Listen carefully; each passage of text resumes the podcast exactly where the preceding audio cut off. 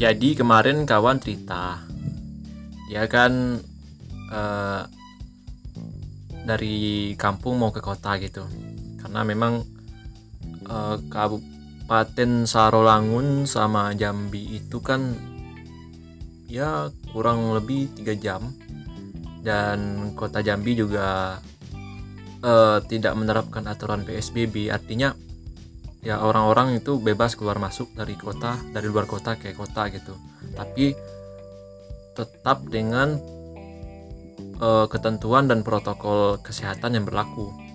Karena kabarnya kan kota Jambi sekarang menerapkan aturan yang mana ketika kalau kita nggak pakai masker kita akan didenda sebanyak 50 ribu kalau nggak salah ya. Eh 50 ribu 50 juta cuy ya nggak sih 50 juta nggak sih? Coba kita lihat di apa di Instagramnya. Nanti nanti takut saya lagi yang kena. Ya kita buka dulu. Oh ya nanti nanti kita cek lagi. Seraya saya ngecek ini berapa dendanya. Pemkot jadi kan dia dari kampung kan dari kampung mau kota. Tiba-tiba pada suatu desa ya desa maksudnya itu desa yang lintasan jalan jalan raya antara kampung ke, ke kota itu kan ada melewati beberapa desa gitu. Jadi dia melihat pas di, di tengah jalan itu di sebuah kampung dia lihat ada anak kecil jatuh dari sepeda gitu. Dia bersepeda tiba-tiba jatuh gitu nggak tahu ah, penyebabnya apa kalau bahasa istilah kerennya tuh kecelakaan tunggal. Nah jadi karena kawan saya ini orangnya super baik jadi dia memutuskan untuk berhenti dari motornya parkir memarkirkan motornya gitu dan membantu si anak yang jatuh tersebut. Tapi tiba-tiba dari arah belakang kerannya ditarik terus dia ditonjok sama orang tutup tutup terus nggak lama kemudian tuh datang orang-orang lain kemudian dia dikeroyok rame-rame. Dan itu dia benjol-benjol dia apa dia babak belur kasihan. Sekarang dia lagi di kota.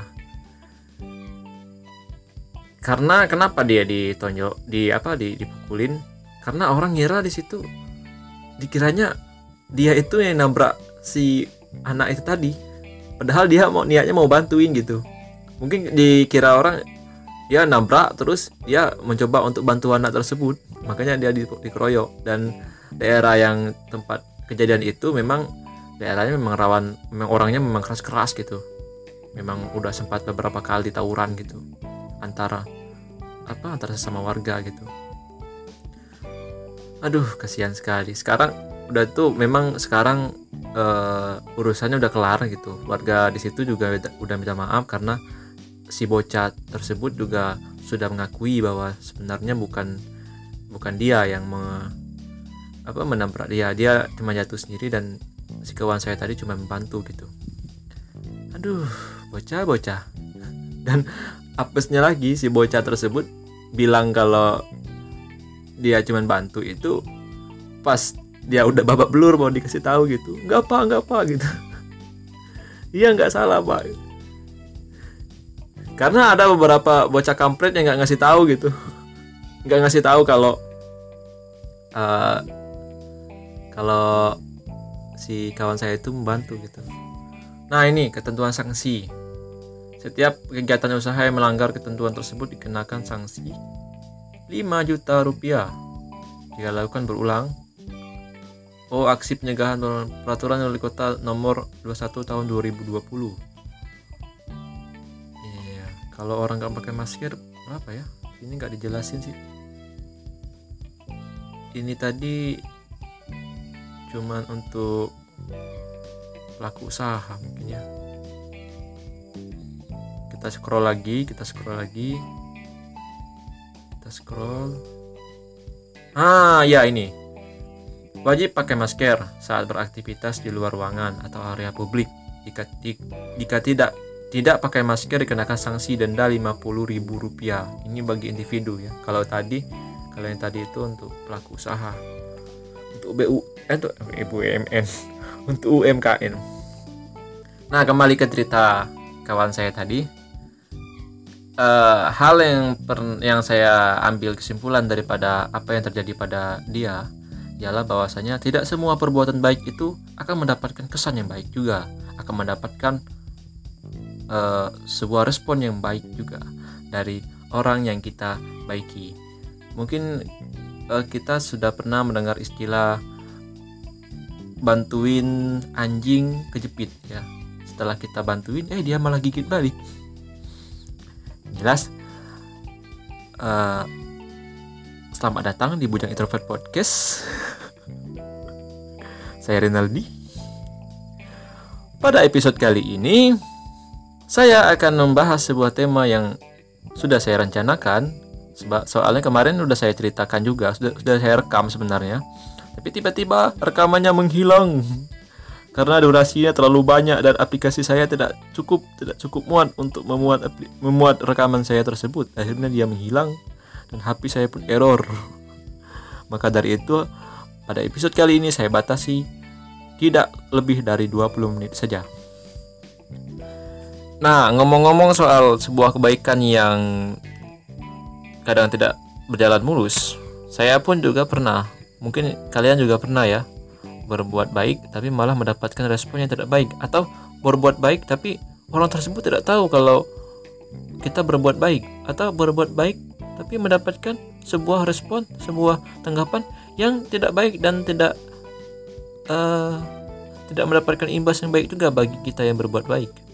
Ini kenapa berlepotan seperti ini ya saya ngomong. Ya baiklah pokoknya saya akan membahas tentang itu pada episode kali ini. aduh, aduh. Uh, misalnya gini, yang pertama saya dulu yang pastinya ini beberapa hal perbuatan baik saya yang gagal yang lah saya kan baik gitu. Kok yakin gak yakin gitu tiba-tiba kok emang bisa berbuat baik? Ya bisa lah. Penjahat pun kadang bisa berbuat baik. Karena saya dulu pernah pernah dulu dibantuin sama preman di karena gini uh, saya kan lewat gitu di lewat apa di di desa. Kalau mau ke kampung saya itu kan harus lewat desa juga. Tapi beda, desanya beda dengan yang kawan saya tadi. Jadi desa itu memang saya dulu pernah menetap di situ selama kurang lebih sebulan setengah. Dan itu pun karena aku kerta gitu. Jadi memang udah kenal sama orang-orang di situ. Dan orang tersebut preman gitu. Saya lewat di situ tiba-tiba ada yang ngejarin saya ada yang ngejar saya ada ada begal gitu ngejar saya. Karena saya tahu kalau itu adalah daerah saya Kukerta dulu saya pun apa masuk motor motor saya tuh berbelok gitu. Berbelok ke rumah ya kawan apa orang orang itu. Ya, orang itulah kawan lah ibaratnya kawan. Kebetulan beruntungnya dia ada di rumah gitu. Jadi saya panggil dia. Itu adalah hal yang sangat gimana ya kalau situasi normal mungkin saya akan mungkin akan ya assalamualaikum gitu. Ini enggak saya langsung manggil gitu. Situasinya memang chaos dan dia pun heran. Kenapa kenapa katanya. Saya dikejar. Siapa yang ngejar? Itu bekal nggak tahu siapa bekal kata saya. Terus dia ngejar. Mana kayak mana ciri-cirinya? Saya sebutin ciri-cirinya. Eh dia kejar. Ya pokoknya harus dapat kata dia. Langsung digebukin itu. Begal itu. Oh jangan kau jangan begal di daerah sini ya kau. Tahu. Oh, ini, ini kuat desa ini daerahku nih dan saya pun selamat. Akhirnya setelah beberapa basa-basi saya pun diajak makan. Itu artinya nggak semuanya preman itu jahat. Ada juga yang baik gitu. Ya tergantung kita. Kita dekat nggak sama preman itu? Uh, ngomong-ngomong soal ini tadi uh, berbuat baik tapi mendapatkan kesan yang tidak baik atau mendapatkan respon yang yang apa ya yang tidak berjalan dengan semestinya gitu. Misalnya dulu saya pernah itu uh, jadi ceritanya motor saya itu kan rusak. Bukan rusak apa namanya? Besi ininya apa uh, baut baut bannya baut rodanya itu kan yang tengah-tengah itu kan udah lama nggak diganti gitu. Jadi mau di, mau diganti beberapa tuh ada ada yang lepas gitu. Jadi pas ganti itu eh tiba-tiba beberapa baut yang lain tuh ada yang memang udah udah lekat di situ gitu. Terus nggak bisa dibuka lagi karena memang udah apa besinya itu sudah terkikis. Besi baut di atas itu sudah terkikis gitu. Jadi nggak bisa lagi dibuka pakai pakai kunci. Nah akhirnya saya putuskan ya udah pak kata saya uh, dilas aja.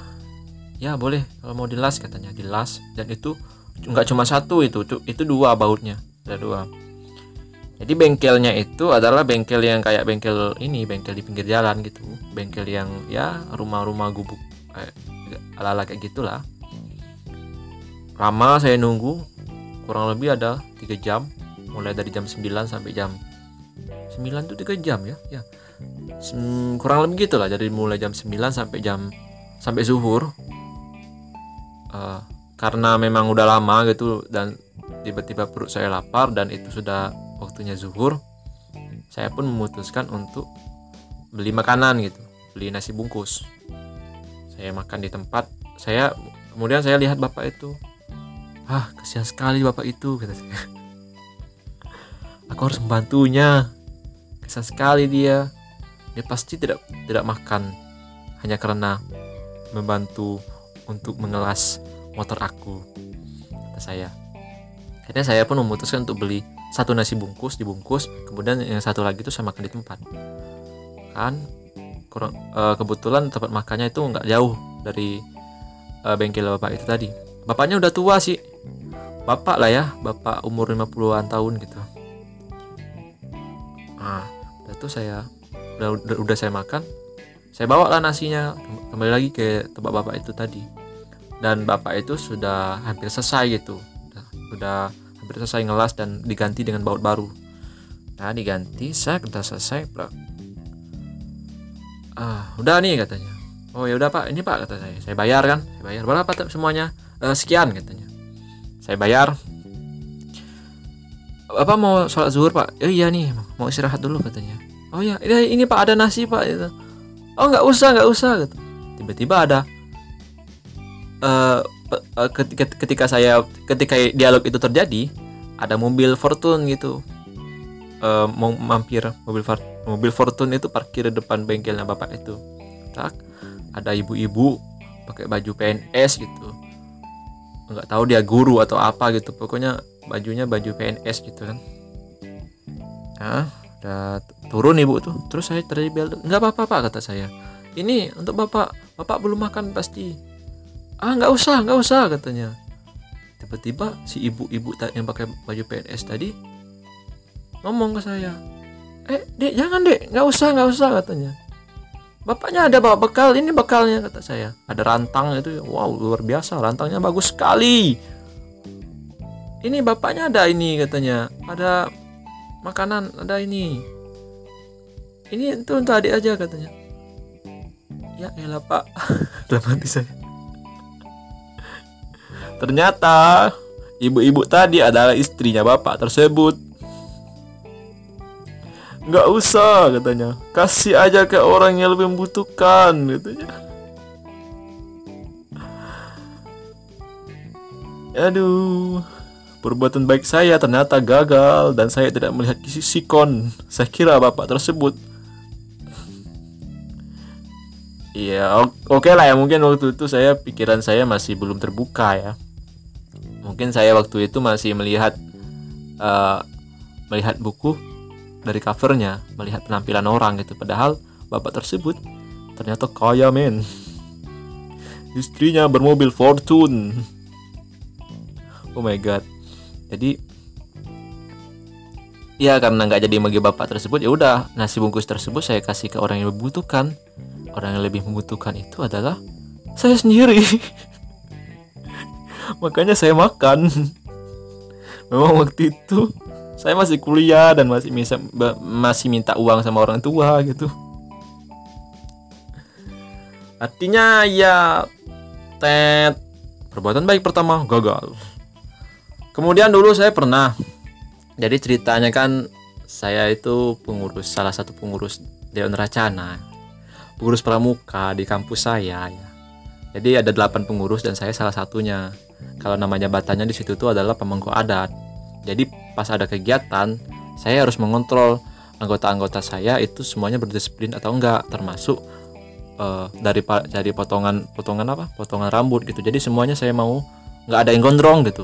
Semuanya harus harus potong rambut harus dirapikan rambutnya. Nggak harus potong nggak harus dipotong alatan terang nggak harus yang penting dirapikan aja jadi ada salah satu anggota saya yang begitu rajin tapi dia ini orangnya ngilan gitu udah di udah beberapa kali disuruh potong rambut tapi dia nggak mau nggak mau juga akhirnya saya pun berniat untuk surprise gitu surprisein dia malam jadi pada suatu malam ketika kegiatan persiapan kegiatan masih berlangsung, saya pun bilang ke dia, namanya Tono, anggaplah Tono namanya. Tono, ikut saya yuk. Ke mana? Ikut aja katanya. Oh ya bentar. Itu ngikut. Saya saya bawa lah ke pangkas rambut. Pas di situ ada udah ada orang yang motong duluan kan, artinya ada beberapa ada dua ada dua orang lagi gitu yang yang apa yang sebelum sesudah kami ya sesudah kami yang sebelum kami gitu orang dua orang itu belum dipotong rambutnya dan artinya kami ngantri gitu ngantri di urutan yang keempat ya ya. Di urutan keempat ya. Nah ngantri.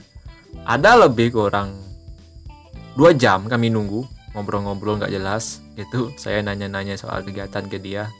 Dan dia menanggapinya dengan respon yang ala kadarnya. Dan pas giliran kami ah udah tuh kata saya. Tuh giliran kamu lagi tuh. Apa nih kak? katanya.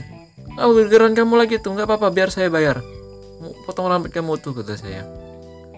Eh jangan kak. Jangan. Tono nggak mau gitu. Tono nggak bisa potong rambut malam-malam. Jangan kata. Dia langsung bangkit. Dia langsung keluar gitu.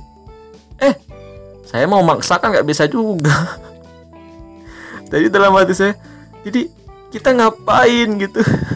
Antri di sini dua jam cuman mau Tono nggak mau kak Tono nggak bisa potong rambut malam-malam itu kenapa rambut nggak bisa dipotong malam-malam ha? apakah ada ajiannya Nah, apakah itu sebuah pantangan? Apakah Anda Robin Hood? Eh, bukan. Apa yang potong rambut? Samson, apakah Anda Samson? Gak bisa potong rambut malam-malam? Jadi ngapain kita menghabiskan waktu dua jam untuk hal yang Tono nggak mau kak? Beuh, saya kesal banget itu. Niat buat baik ternyata gagal.